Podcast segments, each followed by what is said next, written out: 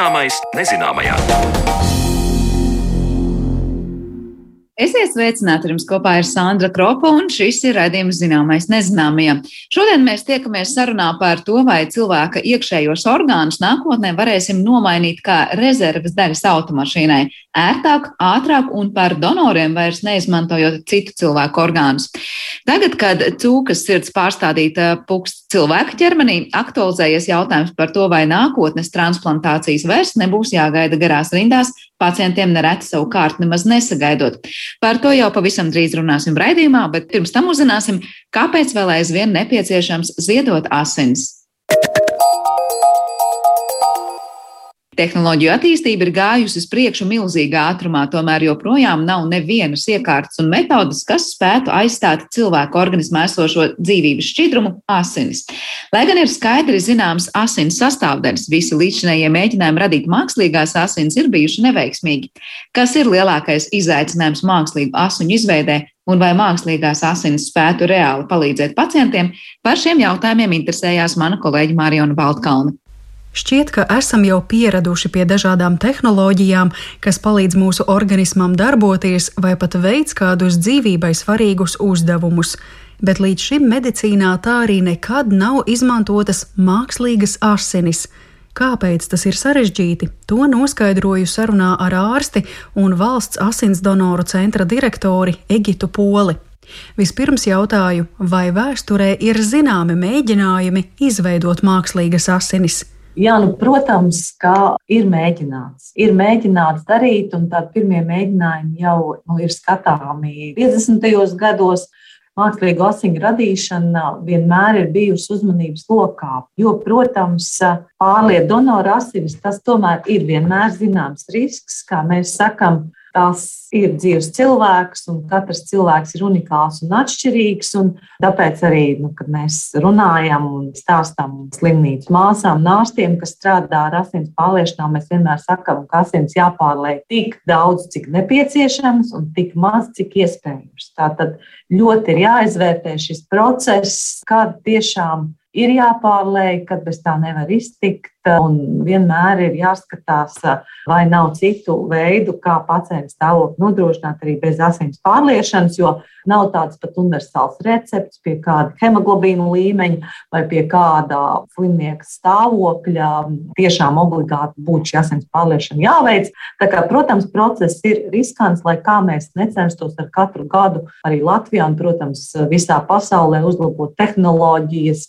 Protams, risks ir Saistībā ar to arī vienmēr ir bijusi interese par mākslīgiem asinīm, un ir arī šis process mēģināts iet tālāk. Bet, nu, mākslīgās asinis līdz šim tomēr nav radītas, un lai arī dažādi pētījumi runā par tādām cerībām vai cerīgām, varbūt tādām indikācijām, bet nu, nekas tādā tuvākā pārskatāmā nākotnē tomēr attiecībā uz mākslīgajām asinīm neiezīmējas. Lai labāk saprastu, kāpēc mākslīgās asinis līdz šim nav bijis iespējams radīt, jāatminas, kas tad ir asins sastāvā. Asinis veido šķidrā daļa, jeb plazma, un asins ķermenīši, un tie ir trīs veidu. Sarkanie asins ķermenīši, jeb eritrocīti, cilvēka organismā pārnēsā skābekli un barības vielas, un tieši eritrocīti nosaka, ka mūsu asinis ir sarkanā krāsā. Kā nākamie jāmin baltie asins ķermenīši, jeb leikocīti. Tās ir imūnās sistēmas šūnas, kas aizsargā organismu pret infekcijas slimībām. Trešā asins ķermenīšu grupa ir trombocīti jeb asins plātnītes, un tie veids asins sarecēšanu traumu gadījumā.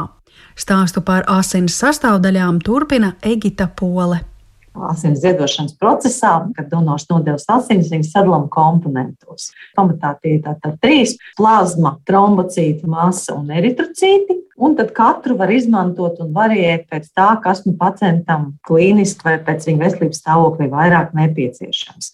Pamatlieta, protams, ir šī eritrocīta masa, kas tiek izmantot visvairāk. Un pamat ir tā eritrocīta īpašība transportēt skābekli. Bez skābekļa nevar notikt dzīvības procesi, un arī mūsu organisms nevar funkcionēt bez tā, ka viņam visiem orgāniem tiek piegādāts skābeklis. Un to ar asins plūsmu, ar asins riti izdara eritrocīts. Tā ir vismazākā no šīm šūniņām, kurai nav kodola. Kāpēc viņam nav kodola? Tāpēc, lai viņš varētu to skābekli transportēt, jo šūnas barojas no skābekļa, tas notiek ar kodola palīdzību, un eritrocītam šī kodola nav. Tāpēc eritrocīts to skābekli transportē visiem orgāniem un šūnām pats viņu neapēdot. Tā ir tāda unikāla arī šī eritrocīta īpašība, tā eritrocīta forma. Viņš ir tāds diska veida ar tādu iedobumu iekšā.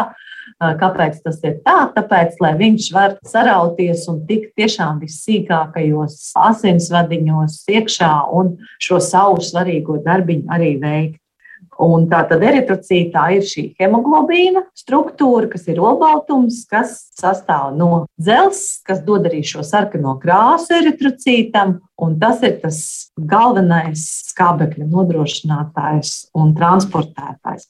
Un laikam jau tieši šo dzīves cikls, kā viņas nobriest septiņu dienu laikā, tad eritrocīti nobriest kaulu smadzenēs, kā viņi iznāk asinsritē, kā viņi pēc tam dzīvo 100 līdz 120 dienas, nosaka to sarežģītību, kāpēc tās mākslīgās asinis tomēr nav izdevies radīt. Ir bijuši vairāk mēģinājumu šo hemoglobīnu kā tādu transporta vienību radīt ārpus eritrocīta, bet tas nav sekmējies. Cerīgāk izskatās šī cilmšūnu lieta, kas varētu domāt par šo eritrocītu sintēzi cilmšūnu ceļā, bet pagaidām tas viss ir tādā tikai ļoti, ļoti sākotnējā izpētes procesā, un vienmēr, ja arī, cik ir bijuši dažādi pētījumi, ja ir licies, ka kaut kāds cerības stariņš parādās, atkal parādās kaut kādas lietas un īpašības, kā rezultātā mēs ieraugām, ka tomēr šis process nav līdz galam iespējams. Mm. Tad es saprotu, tas galvenais atslēgas vārds ir eritrocīts. Eritrocīta kā asins ķermenīša struktūra, kādas Jā. funkcijas tas veids. Tie ir tie galvenie stūrakmeņi, kas rada galvas sāpes zinātniekiem, ja kāpēc mēs nekur tālāk netiekam. Būtībā tā eritrocīta, ja mēs runājam par šūnu bioloģiju, kāds ir viņu dzīves cikls un kā viņi strādā un kā viņi tiešām unikāli šo skābekli arī visiem orgāniem nogādā. Un runās vēl par to, ka tie ir miljardi šūnu un acīm redzot, nav tik vienkārši radīt alternatīvu miljardu, kas varētu savu funkciju veikt. Nevienmēr ir tik viegli iejaukties, un šis laikam ir šis gadījums. Vēl jau eritrocītu gadījumā es iedomājos, ir eh, viena cita būtiska funkcija asinsgrupu noteikšanā, vai ne? Galu galā jau tās olbaltumvielas, kas ir uz eritrocītu virsmas, to esamība vai neesamība nosaka, kāda mums ir asinsgrupa, un plus tad vēl par šo ir jādomā klāt. jā, jā, pareizi, pareizi jūs pieminējāt šī eritrocīta um, specifitāte, ka viņiem uz tās virsmas ir tie antigēni, kas nosaka šo asins grupu, un tas arī ir ļoti nozīmīgi, jo sastopoties antigēniem, antivielām, kas nav radniecīga asins grupa, veidojuši eritrocītu salipšana, viņa aizprost to asinsvadus un cilvēks iet bojā. Tā, tā ir arī būtiska lieta, kāpēc mēs tik ļoti skatāmies uz asins grupu piederību un kādas asins grupas, kurām pacientam ar konkrēto grupu var arī pārliet. Vai mēs tā varam pieņemt, ka pārējo asins komponentu mākslīga radīšana būtu mazliet vienkāršāka nekā eritrocītu gadījumā? Proti, tur mums vēl sanāk asins plazma, kur nu, sastāvā daudz ūdens, ja varbūt tas ir vienkāršāk, tad vēl ir leikocīti, trombocīti, bet, nu, ja mums ir problēmas ar eritrocītiem, tad droši vien problēmas arī rada tas, kā tas viss darbosies, vai ne?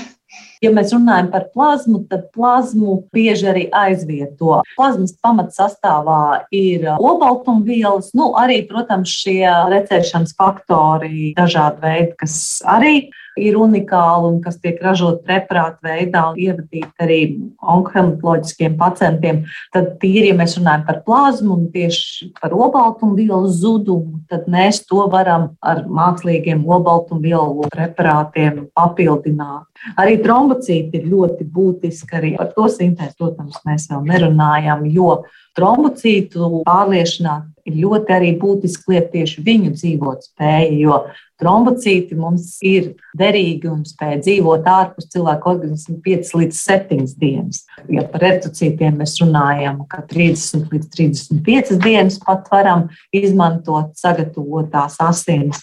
Tad par trombocītiem tas ir tikai 5 līdz 7 dienas, un tas, protams, ir vēl sarežģītāk sagatavot šos nepieciešamos komponentus pacientam. Bet nu, mēs tiekam galā, un par to, protams, milzīgs paldies visiem donoriem, kas mūs atceras un ļoti atsaucās parasti mūsu tādiem saucieniem, kad nu, šis krājums ir krietni patukšojies. Mm. Man arī ļoti patīk teiciens, ko šķiet arī valsts asins donoru centrs izmanto pirms garajām svētku brīvdienām, ka asinis nevar aiziet atvaļinājumā. Tas ir tāds arī mudinājums. Bet, uh, Pols kundze, ja mēs vēl mazliet tā uh, pafantazējam, vai tomēr varētu ar laiku mēs uh, nonākt pie kaut kāda tāda rezultāta, tā saucamajām mākslīgajām asinīm, lai medicīnai palīdzētu? Ne, protams, viņas ļoti vajag. Es nekad neteikšu, ka nē, ka tā nevarētu būt. Protams, ka zinātnē attīstās strauji, Un droši vien, ka nākotnē tas būs iespējams. Tas noteikti būs milzīgs leciens, bet jāsaka, cik nu, asins dienestā ir informācija, un mēs runājam ar kolēģiem citās valstīs, pārskatāmā nākotnē tas vēl šobrīd neiezīmējās. Jo tiešām tad varētu būt runa par bioinženieriju, pieminētām cilmšūnām, bet tur arī ir iesaistīts cilvēks, ja, ja mēs tā skatāmies. Tīri rūpnīcā diez vai. Vēl jāņem vērā, ka mākslīgās asinis, pat ja tādas izdotos radīt, noteikti nebūtu lēts pakalpojums. Taču, ja tās būtu pieejamas, tās palīdzētu tikt galā ar visai pasaulē un arī Latvijai aktuālu izaicinājumu, proti populācijas noveco, līdz ar to noveco arī asins donori, un rodas problēmas piesaistīt jaunus donorus, jo jauno cilvēku vienkārši ir mazāk.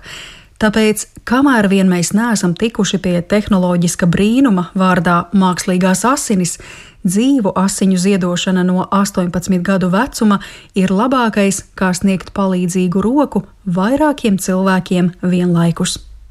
Tik tālu par asins donoriem un centieniem radīt mākslīgās asins, bet redzījuma turpinājumā pievēršamies orgānu donorēšanai un nākotnē, kas gaidāma transplantācijas nozarē.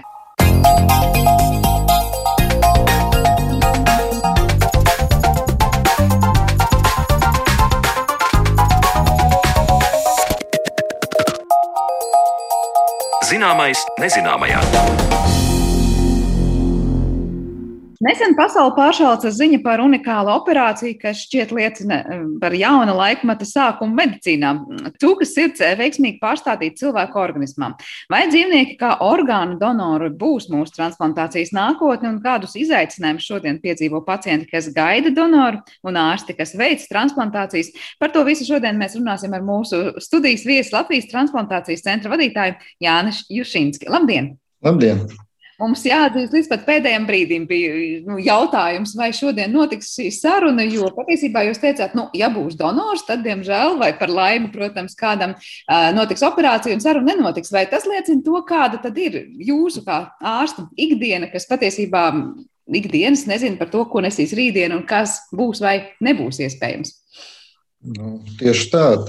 Tas darbs ir saistīts ar to, ka donors var parādīties jebkurā mirklī un jānoreaģē tad, kad jānoreaģē. Nevar viņu paredzēt, ka tur kādam paliks slikti, ka cilvēks varētu nomirt. Teiksim, Pirmdien no rīta, lai būtu ērti visiem sapņu, dzīvot un, un strādāt. Tā nenotiek. Un tajā brīdī, kad ir donors, tas ir dažu stundu jautājums, ja, kurā patiesībā tā operācija ir jāveic.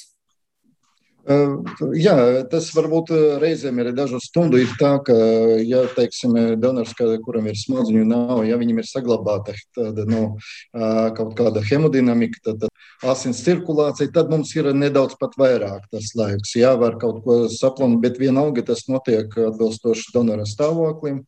Un, ja ir sadarbības apstāšanās, tad nu, tur bez nokavēšanās uzreiz jāstrādā. Jā. Es iesāku šo sarunu ar šo pasaules aktualitāti. Nu, salīdzinoši nesen dzirdējām to, ka Amerikas Savienotajās valstīs ir pārstādīta sirds, un sirds šoreiz ir nevis no donora cilvēka, bet gan no dzīvnieka. Kā jūs komentētu, vai tas ir tāds nu, jaunas ēras sākums transplantoloģijā, vai tomēr atsevišķs izņēmumu gadījums, un mēs nu, tik bieži tuvākajā nākotnē nedzirdēsim par to, ka orgāni tiek iegūti šādā veidā no dzīvniekiem? Es negribu tā pareģot, ka tur būs uzreiz no nākamā mēneša nu, vienkārši liels daudzums ar tādiem dzīvniekiem, tā, bet nu, to, ka tas būs kaut kāda veida arī transplantācijas nākotnē, noteikti. Ja. Par ksenotransplantāciju jau no nezinu, nu, pagājušā gadsimta, pat laikam aizpagājušā gadsimta sapņā, un ko tikai nedarīja, kā tikai nemēģināja. Bet nu, jā, situācija ir tāda, ka tur izkristalizējas tādas dažādas problēmas, kas arī nu, nedara to iespēju pārstādīt.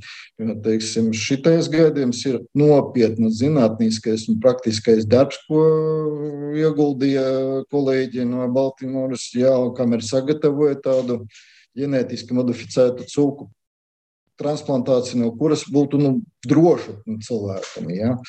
Diemžēl nu, tagad pārāk īsti tas laiks vēl nevar paredzēt, kā tālāk iet, bet nu, es novēlu viņam, lai viss tā kā ietu labi.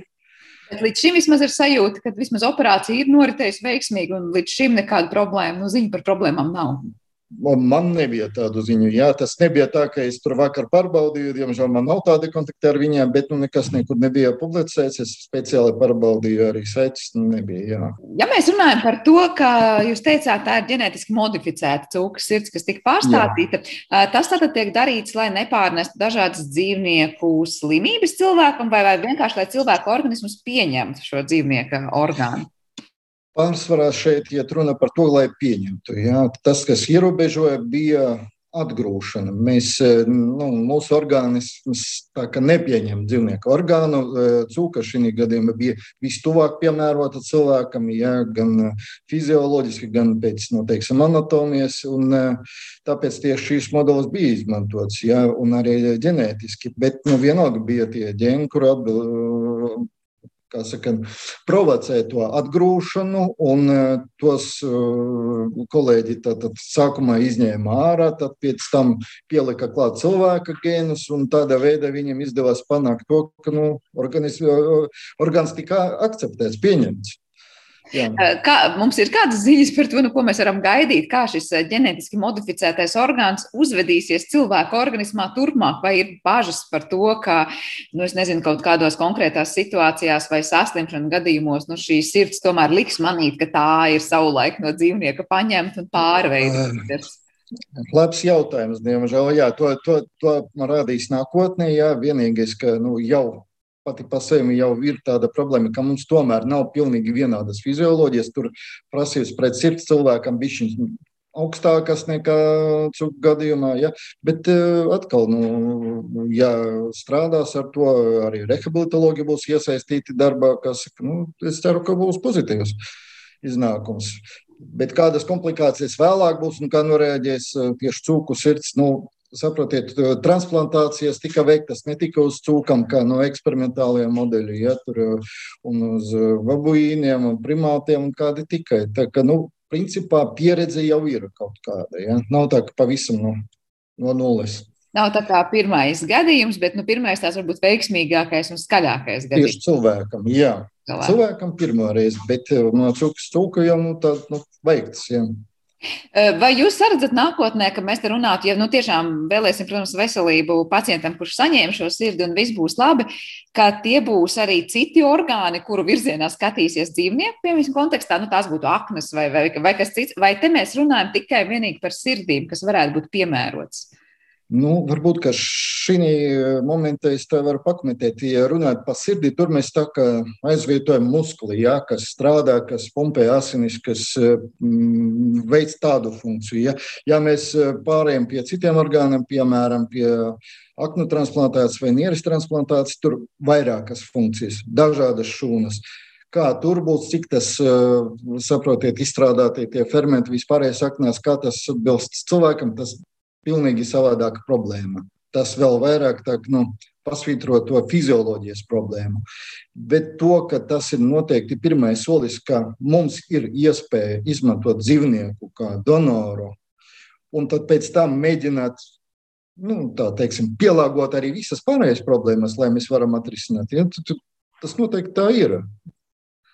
Tad patiesībā, lai cik sarežģīts liekas orgāns ir sirds, eh, konkrēti šajā gadījumā pat sirds transplantācija ir vienkāršāka, ja mēs ņemam no cita dzīvnieka kā muskuli, kurš kurš veiks savu darbu, jā, nekā, jā. piemēram, aknas vai nieras, kurām tās funkcijas būs citādākas. Uh, šeit parunājos arī ar bioētikas speciālistiem, nu, kā kopumā raugās uz šādām lietām pasaulē. Un viens no riskiem, kas vēl tika minēts, ir nu, ne tikai tas, ka iespējams varētu būt saruna par to, vai pārnesīs kādas dzīvnieku slimības arī cilvēkiem, un, un cik ļoti risks, kā saka, ir liels un vai mērķis attaisno līdzekļus. Bet proti par ehm, to, ka mm, komercializācijas risks pastāv. Proti, ja sāktu audzēt, piemēram, dzīvniekus, lai no tiem iegūtu donors, nu tad jautājums ir par to, vai tas vienmēr būs dāvinājums, kā tas ir līdz šim, proti, jo donors tā ir dāvana, par to naudu nesaņem donors. Vai visi cilvēki būs vienlīdzīgi saņemt un tikt līdz, līdz donoru orgānam, proti, ja tie būs jau tādi nu, speciāli audzēti dzīvnieki. Kā jūs raugāties uz šādiem aspektiem un vai jūsu aprindās arī par to runā? Uh, nu, protams, jā, transplantācija viena tā, no, no tādām nozarēm, kur tā nu, taisnīguma ievērošana ir ļoti svarīga. Ja? Pirmais, lai būtu skaidrs, kurš pacients saņem, vai tas ir piemērots pacients, ka tas nu, teiksim, nav tā, ka kāds tiek ignorēts vai uh, atstāts uz vēlāku laiku. Ja? Tātad, jā, ir noteikti noteikumi, kā mēs uh, piešķiram orgānus, kad mēs ņemam no cilvēkiem donoru orgānus, ja? un kaut ko līdzīgu noteikti būs jāievēro arī tur. Un tas nozīmē, ka komercializācija šeit nav pieļaujama. Noteikti es domāju, ka tur būs eh, valsts, eh, no valsts līdzekļiem sekta eh, programma tādai lietai. Ja. Bet arī bez tās nu, teiksim, izsekojamības, bez tās taisnīguma principa ievērošanas, arī vairāki citi ētiskie momenti ir, ko īstenībā arī ir kas var ierobežot tādu lietu. Tiek uzskatīts, eh, ka ir kaut kādas eh, nu, teiksim, eh, robežas, kuras cilvēkam it kā nedrīkst pārkāpt, kad mēs, kad mēs ražojam arī ar to ar ģenētisko modifikāciju monstrus. Ja? Nu, da, dažādi. Da, dažus var nosaukt par mītiem, dažus var nosaukt par reālām kaut kādām teiksim, ētiskām problēmām, teiksim, dzīvnieku tiesības. Ja? Nu, tā tad, eh, skatoties nedaudz atpakaļ, kā bija līdz šim, tad, tad dzīvnieku, kad mēs vienu pret otru parasti vinēja cilvēka tiesības un viņa tā, kā saka, labums, benefits. Jā, no tā, tad, tad, Iespējams, visas problēmas nevar pat tā nosaukt uzreiz. Bet par to dzīvnieku aizsardzību un um, tiesībām arī, ko etikas speciālists atzina, ka tas, protams, pastāv. Bet, ja mēs jau, piemēram, uzturam, es nezinu, industriju, kas ražo gaļu, un mēs patērējam dzīvniekus uzturā, tad nu, tur kaut kādā mērā mēs varam teikt, ja jau mēs pieņemam tur tās dzīvnieku tiesības, kā nu, mazliet noliekam malā, jā, tad vēl jau vairāk ja ir stāsts par cilvēku dzīvību glābšanu un šī gadījumā orgānu donoru uh, problēmas risināšanu risināšana, tad, protams, iespējams, ka tās dzīvnieku tiesības varbūt nu, šī brīdī būtu teikt, nu, otrajā plānā, kā viena no ētikas lielākajām problēmām. Es gribēju vēl pie tās pirmā riska pakuvēties par tām slimībām. Cik ļoti lielā mērā mūsdienu medicīna zinātnē šobrīd var nodrošināt to, ka tās dzīvnieku pasaules slimības tomēr uz cilvēku nepāriet nu, ar šiem modificētiem gēniem, vai tomēr tur vēl ir ļoti daudz risku un nezināmā? Un tā ir tāda laimes spēle. Nu, pavisam pateikt, ka tev tikai laimes spēle droši vien, nav. Jā, noteikti ir daži tur virāli tādi aģenti, kas stāv jau iekšā, ko arī, teiksim, ģenētiķi pēc tam izņem tos bojātus gēnus, lai cilvēkam nepārnest to slimību. Viss tas ir iespējams. Otrais, ka, nu, Tā, tas ir laboratorijas izaudzēts dzīvnieks. Jā, tad, tad nu, vienkārši selekcija un vispārējais dotu iespēju uzreiz, teiksim, izvairīties no dažiem patogēniem, no dažām slimībām. Ja? Ja mēs ejam vēl soli tālāk, un šobrīd nu, droši vien teiksim, fantāzijas no lauciņā, vai pastāv tādas idejas, ka nu, līdzīgi kā mēs runājam, iegūsim mākslīgo gaļu, proti, mēs audzēsim no konkrētām šūnām, pēc tam un dabūsim muskuli, ja? vai šādā veidā tiek domāts par orgānu audzēšanu, lai pēc tam tos transplantētu cilvēkiem, vai tā ir pavisam tālu nākotne un nereāla nākotne, proti, ne mēs runājam par dzīvnieku audzēšanu, bet tikai konkrētu vajadzīgo orgānu veidošanu? Nu, teiksim tā, pavisam nesen, kādi pieci gadi atpakaļ, tur vienā lielā kongresā mums bija vesela tāda sadaļa veltīta tam jaunam lietam, transplantācijā. Es pats sev ierakstīju dažus, lai neaizmirstu, teiksim, tā, teiksim, mākslīgie orgāni, kurus cilvēks varētu droši nesāt, teiksim, no mākslīga niera. Ja? Tagad viņam jāiet tur speciālām dialīžu nodaļām, tur jāguļ vai no ar tām peritonālām dialīzēm jānokas. Tā. Bet nu, tāda kaut kādu mašīnu, ko viņi varētu nesāt līdzi, kura nav īpaši smaga un tā, un, un nodrošināt tādu patu kvalitāti. Ja.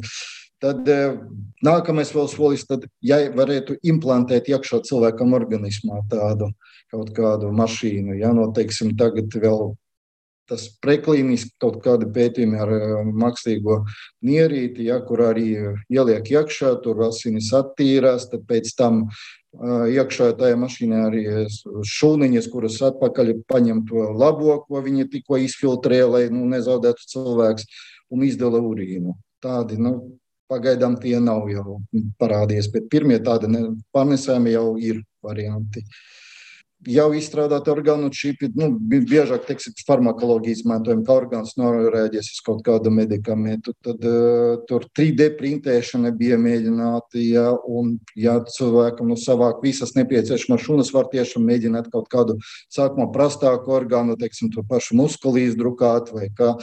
Uh, darbi tiek veikti. Ja. Diemžēl pateikt, kura brīdī tas nospēlēs un kura brīdī būs reālais tas uh, variants, ka parādīs, nevar pateikt. Tāpat kā ar sirdi bija. Vēl pirms dažiem gadiem runājām, nu jā, kādreiz būs tāda cenotransplantācija, ģenētiķi prot, jā, strādāt, bet kurš uzdrošināsies, kā piemeklēt, kā to izdarīt, kā to pirmo solīti spērt, tas vienmēr ir liels nu, izaicinājums. Un redzat, pēkšņi jaunais gads nevis tikai ar sliktām ziņām, ar covid zinām, bet arī kaut kādu labu ziņu mēdz parādīties. Ja? Jā, nu redziet, ir tas brīdis, kā jūs teicāt, arī tad šis pacients parādījās tāds, kuram pat īsti nevarēja pārstādīt, es saprotu, cilvēku orgānu. Ja? Nu, jā. Kas tur ir par problēmu? Kāpēc viņš var pieņemt eh, dzīvnieku orgānu, bet viņa organisms nespēja pieņemt cilvēku orgānu? Es domāju, ka tur bija savādāk. Ja viņš nebija droši vien tik akceptējams tajā parastajā gaidīšanas sarakstā, ja bija kaut kādas citas problēmas, komplikācijas, un arī otrais moments, ka nu, tālāk viņa dzīve, nu, viņš saprata, ka tas būtu tomēr saistām ar transplantāciju, un te, te bija tas risinājums, kāpēc viņu izvēlējās. Tātad prioritāri viņš nebūtu bijis tajā rindā, kas pirmais saņēma. Nu, tieši tā, jā. Es tieši gribēju jautāt par to, kā, kāda ir tā cilvēku dzīve pēc eh, orgānu transplantācijas. Un te mēs runājam nu, kaut par to, kas šobrīd ir ierasts no cilvēka cilvēkam, kad tiek doti orgāni. Vai mēs runājam par kādiem noteiktiem gadiem, kas ir pie, pie veiksmīgākā scenārija dzīvības gadiem, kas cilvēkiem būs, vai tas ir stāsts par to, ka ja reiz ir viena transplantācija, tad pēc kaut kādiem daudziem gadiem cilvēks ir pakļauts nākamajām transplantācijām, vai, vai cilvēks var izturēt vairākas transplantācijas orgānu mūžā? Mūžā. Kā tas notiek? Kā dzīvo tālāk šie cilvēki? Jā, nu, teiksim, atbildot uz pirmo jautājumu, protams, ka mēs cenšamies pārstādīt tā, lai cilvēks nodzīvo pēc iespējas ilgāku dzīvi ar vienu to pārstādīto orgānu, bet uh, es arī vienmēr studentiem saku, mums atbildība par šiem cilvēkiem līdz mūža beigām.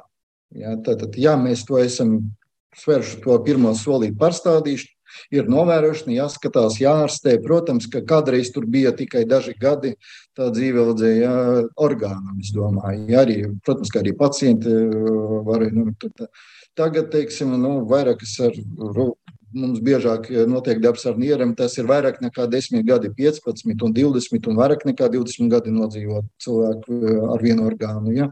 Protams, daudz kas atkarīgs no, no donora, no pašas tās slim, nu, slimības, kas, kur izraisīja šo problēmu. Vai tā slimība varētu teiksim, recidivēt jaunajā orgānā, jeb pārstādām un tikai cīnāmies ar imunitāti un citām tur saistītām problēmām. Bet otrais moments, tātad, uh, otrais jums jautājums, vai ir atkārtotas transplantācijas? Jā, teiksim, ar nieriem, un ceturtā, un pasaulē arī piektās ir transplantācijas. Un mums bija vienlaikus veikta no bērnu donora. Mēs pārstādījām 4. un 5. ierīdi bija vienam pacientam vienlaicīgi. Jā. Jūs pieminējāt bērnus, kas laikam ir pavisam nu, īpaši pacienti transplantācijā, jo patiesībā orgāns jau aug līdz ar cilvēku. Un, ja bērnam transplantē kaut ko, es nezinu, desmit gadu vecumā, tad eh, bērnam 15 gadu vecumā tas orgāns vairs nederēs. Kā, kā tad risina situācijas? Nē, nē, nē, tā nav. Parasti tā no bērniem pārstādām tomēr ne pavisam bērnu orgānu, bet cenšamies tādu, nu, teiksim, jaunu, jaunu cilvēku, ja parādās tāds donors. Ja. Kāpēc tur drošāka situācija ar asinsvadiem, bet nu, viss atkarīgs no situācijas. Jo akūtāk, tad, protams, arī bērnu orgāns tiks transplantēts. Orgāni, jā, no bērniem, ja bija donors bērns, tad jā, orgāns mēdz augt. Ja no pieaugušā tas uzreiz orgāns, cik viņš ir liels, tik viņš ir. Ja, viņš var hipertrofēties, tad, tad nu, teiksim, ja vajag nopietnāku, stiprāku funkciju, viņš mēdz palielināt kaut kā to funkciju, lai kompensētu. Uh, tas notiek. Bet nu, pieaugušai vairs orgāns neaug. Eh, kā panākt to, ka mēs runājām, lai nepārņemtu no dzīvnieka slimības, tad tiek modificēti šie gēni, bet tad, kad tiek pārstādīts cilvēka cilvēka orgāns, eh, tur arī kāds ir risks pārņemt slimības, ja, piemēram, kādam pārstāda cita sirdi, un tur kaut kādas problēmas ir bijušas jau tam cilvēkam, no kura donors ir iegūts. Jo, nu, nu pilnīgi ideāli veseli cilvēki jau droši vien mums nav, līdz ar to arī donori nav tādi. Neapšaubāmi. Jā. Tur, protams, tā problēma parādījās, kā tikai vispār transplantācija sāk attīstīties. Ko tad darīt tālāk? Jā, sākumā, kad bija tur, teiksim, no viena donora pārstādīja vienu pacientu, viss bija vienkārši un saprotami. Tagad no viena donora var pārstādīt sešus, septiņus un vairāk pacientus. Jā. Un situācija, protams, ka pilnīgi visu pārbaudīt ne, nav iespējams. Jā, simtprocentīgas garantijas medicīna nekad nav. Bet lielākā daļa no problēmu tiek diagnosticēta vēl, kamēr mēs izmeklējam donoru. Mēs arī pārbaudām orgānu funkcionalitāti pirms vispār runājam, ka viņu to orgānu varētu pārstādīt un izmantot citam cilvēkam. Tāpēc nu, teiksim, riski ir minimāli no transplantācijas tādā ziņā. Bet arī ņemot vērā, ka tomēr mēs jā, varam kaut kādu momentu neredzēt, nediagnosticēt. Ne visas slimības uzreiz arī diagnosticējamas, var parādīties vēlāk. Ir vesela sistēma, kā mēs atpazīstam to un kā mēs varam atrast visus pārējos recipientus teiksim, no šī donora ar aizdomīgu situāciju, kuram arī kuri dabūja orgānu no šī paša donora. Tad mēs apzinām katru pacientu, un viņi ir informēti arī attiecīgi ārstēti vai, teiksim, novēroti, ja vajag.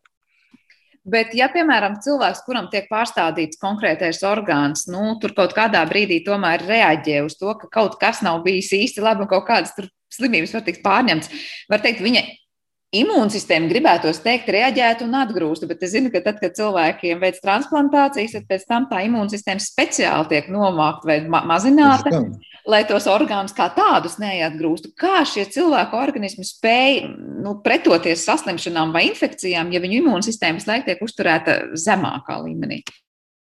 Un tā arī ir tā problēma. Ja, tad, tad mums ir arī pēctransplantācijas komplikācija, infekcija un atgrūšana un onkoloģijas attīstība, ja tad kaut kādi audzēji, tas ir tādas, nu, teiksim, nopietnas problēmas pēc transplantācijas, kas saistīts tieši ar supresiju. Ja. Pacients lieto speciālu zāles, kuras nomāk imunitāti, ar nolūku, lai, lai orgāns turpina strādāt normālu savu funkciju. Protams, ka tagad mūsdienu jau medicīna ir tik labi attīstīta viss tā kontrole, pateikt, nu, mēs tagad ejam uz to uz ārstēšanas personifikāciju. Ja, tad, tad cilvēks konkrēti viņam piemērotas devas, piemērots režīms un tā tālāk. Bet, eh, nu, protams, ir situācijas, kad eh, supresija ir pārāk stipra. Ja teiksim, kaut kāda iemesla dēļ tad būs infekcijas, tad var nu, vairāk tā onkoloģija attīstīties. Ja nepietiekams, tad būs atgrūšana. Bet nu, ar to jācīnās, to jārastē vienkārši. Tā, tā ir tāda zelta vidusceļa meklēšana, bet nu, nav tā, ka šie cilvēki pēc tam nu, nemitīgi slimo. Es nezinu, kaut vai tādām vienkāršām no. saslimšanām, kā nezinu, gripas vai iesnas. Ja, ka tad, kad es domāju, cilvēki ar zemu imunitāti, kā viņi spēj pretoties tam, kas notiek apkārtējā vidē. Jā, nu, pirmais, ko mēs parasti prasām no pacienta, lai viņi būtu vakcinēti, lai viņi būtu sagatavoti tam pirmajam etapam, kad mēs viņu pārstādām. Uh, būs pirmā tā trieciena deva tāda liela nopietna supresija, kad mēs nomākam tādu, nu, ne līdz nulli, bet gandrīz to imunitāti, kad viņš varētu viegli dabūt jebko. Un, protams, ka viņš ievēro režīmu, un pēc tam supresija tiek pielāgota un mazināta. Ja? Un ir brīdis, kad viņš nu, praktiski tā kā normāls cilvēks. Jā, viņš varētu varbūt ātrāk saslimt, ja viņš dabūs. Bet nu, cilvēks, kad viņš zina, ka viņam ir tāda vajag, viņš droši vien neies tajā telpā, kur redz, ka viens šauda. Mēs arī viņam vienmēr sakam, nu, redzat tādu, teiksim, viens iešaudīja liftā, lūdzu, vējiet labāk pa trepēm. Ja. Jā, tā tad piesardzība cilvēkiem īpaši jāievēro. Gribēju vēl vaicāt, jūs stāstījāt par to, kā imūnsistēma reaģē uz šiem jaunajiem orgāniem. Kā ir ar citām sistēmām? Tur ir asins, rīta, nervu sistēma. Nu, visam organismam tiek ielikts, var teikt, nu, pilnīgi cits jauns orgāns. Kas notiek organismā? Viņam ir kaut kāds pilnīgs šoks un nesaprašanās, kas tagad būs, vai patiesībā cilvēka organismam ir pilnīgi vienalga, vai konkrētā sirds vai akna ir no cita cilvēka vai šī paša cilvēka. Varbūt jūs varat ilustrēt to. Jā, nu, teiksim tā, parasti visas sistēmas, ja orgāns strādā, noraidīja ļoti labi, ja, jo pirms tam viņam bija, pirms tam viņam bija problēma. Viņam bija problēma, ka, teiksim, ja nieris, tad nieris nestrādā, aknes, tad tās problēmas sirds nestrādā, tad vispār liela problēma, ja tad tās viņas apgāde, traucēt un tā tālāk. Ja. Nu, protams, ka tā ir pozitīva reakcija. Ja cilvēks pēkšņi bija vakar slims un šodien ir vesels, nu, kā var noraidīt orgānu sistēmas? Uh, Psiholoģiski, jā, nu, dažiem parādās kaut kādas problēmas, teiksim, ir psiholoģiski liekas, ka tur viņi jūt donoru un tā. Nu, Par šo jautājumu es zinu, ka arī cilvēki, kuriem ir Latvijā pārstādīti orgāni, saka, nu, it kā tu saproti, ka nekas tāds nevarētu būt, bet sajūta ziņā nu, ir tā, tā, tā sajūta cilvēkiem, ka kaut ko no orgāna eh, devēja ir pārņēmis, vai tas ir kaut kāds cilvēks mainās. Protams, arī atzīstot, ka pati pieredze, tad, kad cilvēks iet cauri transplantācijas procesam, ir tāda, kas maina cilvēku gan domāšanu, gan raksturu daudzos gadījumos. Eh, tad es saprotu, nu, mediķu vidū noteikti ir uzskats, ka nav pamata domāt, ka pieņemot svešu svešu orgānu cilvēks tiešām mainās vai pārņem kaut ko no, no donora? Nu, zin, es teikšu tā, es tikai, ja viņš pozitīvi mainās, tas ir labi. Ja? Protams, ka nu, mēs kaut kādu gabaliņu no dvēseles, no tā donora kaut ko iedevot, iedodam šim pacientam. Ja? Un ļoti labi, ja viņš to izvērtē, ja viņš to jūt, ja viņš jūt arī atbildību par to orgānu, par to dāvinājumu. Ja? Jo, nu, Nereti, diemžēl, arī situācija, ka cilvēks nu, tāds nu, nelīdzestīgs, jā, ka viņš tur zāles nelieto un, tā, un, un zaudē orgānu. Un tad eh, tiešām atkal ir tāds tīri ētiskais jautājums. Varbūt nebija pareizi viņu pārstādīt, bet kā to pareizi teiksim, atmaskēt, atšifrēt pirms transplantācijas perioda nevar. Patiesībā tas ir psiholoģiski. Ir jauns ētikas vēl viens pagrieziens aspekts tajā, ka, ja pārstāda cilvēkam un pēc tam, var teikt, nu, kā jūs teicāt, nerūpējas par šo orgānu, tad, liekas, varbūt tas dārgums, šis orgāns, kas, es saprotu, Latvijā joprojām mēs varam runāt par to, kā trūks donoru, varēja tikt tādam, kas, kas būtu to izmantojis. Varbūt, ja mēs nonācam līdz tam donoru trūkuma jautājumam, par ko bieži, bieži dzirdam, jūs varat ilustrēt to, nu, kāda ir tā šī brīža situācija Latvijā. Es nezinu, cik daudz ir to cilvēku, kas dien dienā gaida to donoru rindā un eh, cik ļoti mainās tas, vai cilvēki sabiedrībā kļūst atsaucīgāk tam, kā būtu gatavi ziedot savus orgānus kādam citam. Ne, nu, pirmais, protams, ka arī mums ir eh, cilvēki, kuri gaida, kuri gaida orgānu. Protams, var veidoties situācija, ka kuru konkrēti ne katru orgānu teiksim, varētu izmantot. Jā, parādās donora orgāns kaut kāds, un mums nav piemērota recipienti, bet vienmēr mums eh, strādā tāds moments, ka mēs varam piedāvāt orgānu citam, citam centram, citai valstī, pārstādīt, un tas strādā. Atkal, ja viņiem parādās, viņiem mums var piedāvāt. Ja? Tas, eh, tas ir tas moments, eh, pilnīgi ētiski, man liekas, ka Nu, nu, savādāk, ja ētiskāk nevar izdomāt. Ja ir un nu nedrīkst aprakt, ja cilvēks savu ziedoja savu orgānu transplantācijas citam aprakt, tas ir, nu, tas ir noziegums, es teiktu. Ja? Nu, tāda situācija. Bet vai ir tendence, ka mēs Latvijā kā sabiedrība kļūstam atvērtāki vai gluži otrādi noslēdzošāka pret to, ka būtu gatavi ziedot savus donorus, vai jums ir kaut kāda informācija vai sajūta līmenī, nu, kas notiek gadiem ejot? Nu, Diemžēl, ko es varu atzīmēt par šiem gadiem, ir tas donoru reģistrs, jā, par kuru mēs tā kā cenšamies vienmēr runāt. Tas bija PMLP, tagad būs elektroniskā veselības sistēma. Katrs cilvēks var mierīgi ielogoties un atzīmēt. Jā. Tas jau tagad ir vienkāršāk, bet arī iepriekš jau bija paredzēta tā sistēma.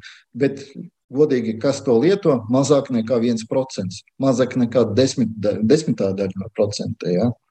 Nu, tur, tā visa nelēma. Tad, tad cilvēki kā, ja, kad mēs runājam, viņi māja ar galvu, jā, mēs saprotam, viss kārtībā, bet, diemžēl, sākam runāt ar piedarīgiem.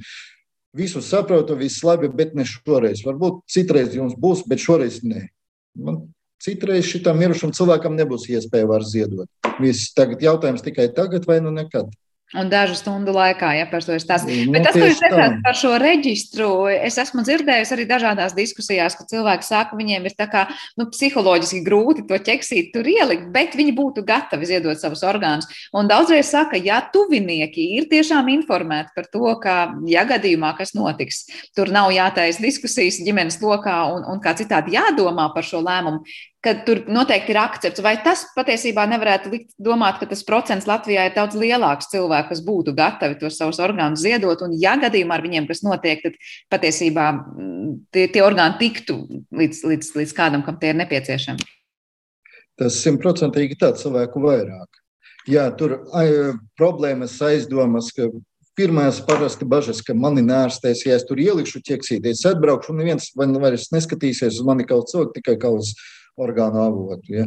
Nu, tā nav. Tā ir tāda sistēma, kur teiksim, ne katrs ārsts, ne vispār tikai ierobežots. Tur daži cilvēki Latvijā var pārbaudīt to reģistru un saprast, ir donors vai nav donors. Ja.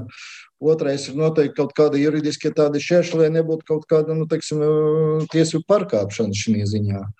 Bet vienmēr balstīties uz to, ka nu, būs piederīgi, lai lemj, kā tur tālāk ar mani būs, tas nav pareizi.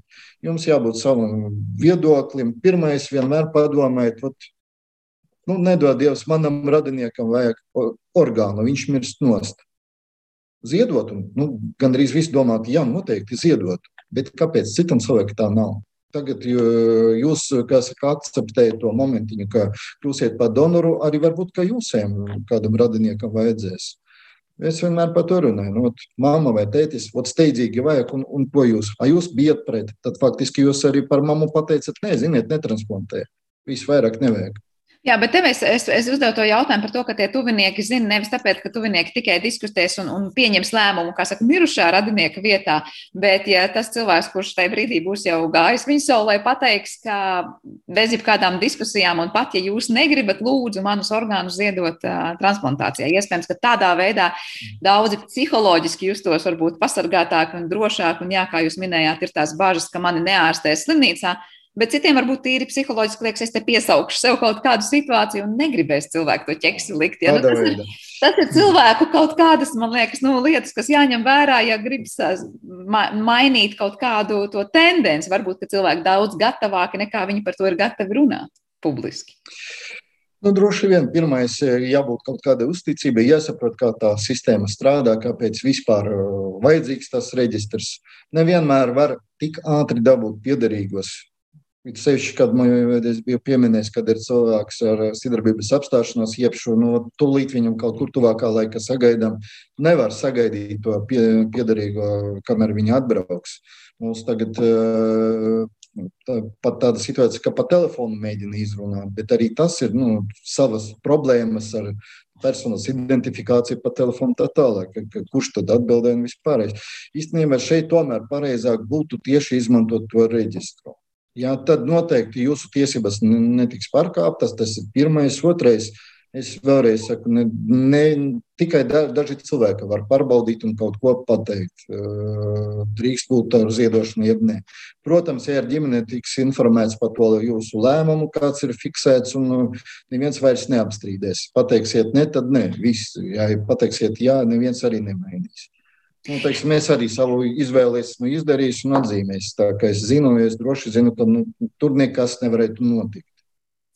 Jā, tā kā ir daudzi jautājumu aspekti, par kuriem gadiem tiek runāts, un laikam mēs turpinām runāt Latvijā, lai iedrošinātu cilvēkus, nu, tad vismaz to savu gala vārdu, jā vai nē, pateikt un izdarīt to reģistrāciju. Bet noslēdzot mūsu sarunu, es gribēju vēl vaicāt, vai tā ir tiesa, ka tad, kad piemeklē orgānu, tam orgānam ir jābūt noteikts vai desmit vai cik gadus jaunākam par cilvēku, kurš saņem šo orgānu, vai tas ir mīts patiesībā tie cilvēki? Nē, nē, nē, tas ir mīts. Tas ir mīts. Protams, jā, kas mums spēlē? Protams, ka donoru vecums, jo ja pavisam jauns tur vai tur tāds, mēs skatāmies jaunākam pacientam, ja, dod, tiek dot tāda priekšroka, jo viņam grūtāk piemeklēt, teiksim, bērniņam kādam. Bet, uh, Mums vecuma ierobežojumu nav. Mēs, protams, ka, ja teiksim, no pavisam tāda vecāka gada gājuma donora paņemam orgānus, tad cenšamies transplantēt vai nu līdzīga gadagājuma, vai vecāka gadagājuma arī recipientam. Ja? Bet nu, viss atkarīgs vienmēr no orgāna funkcijas, no, no, no veselī, tā donora veselības stāvokļa, no tā funkcijas eh, ilguma, ko mēs varam paredzēt. Ja viss ir optimāli labi, tad tas vecums nespēlē tādu lielu lomu. Nu, tas tikai liecina par to, ka tiešām ļoti daudz dažādu aspektu tiek ņemti vērā un tiek par kuriem domāts, tad, kad eh, gan Protams. tiek piemeklēts donors, gan arī tad, kad tiek veikts transplantācijas. Es teikšu jums lielu paldies par šo sarunu un paldies, ka atradāt laiku ar mums šodien parunāties par šiem jautājumiem un viesu skaidrību tajā, kā tas notiek un kāda ir tā šī brīža situācija. Atgādināšu, ka Latvijas transplantācijas centra vadītājs Jānis Ušīns, kas šodien bija pie mums raidījuma studijā, ar to arī raidījums ir izskanējis un par to paldies producentē Paulai Gulbinskai, mūzikas redaktoram Girtam Bišam bet es, Sandra Kropa, būšu jums kopā atkal rīt. Visu labu!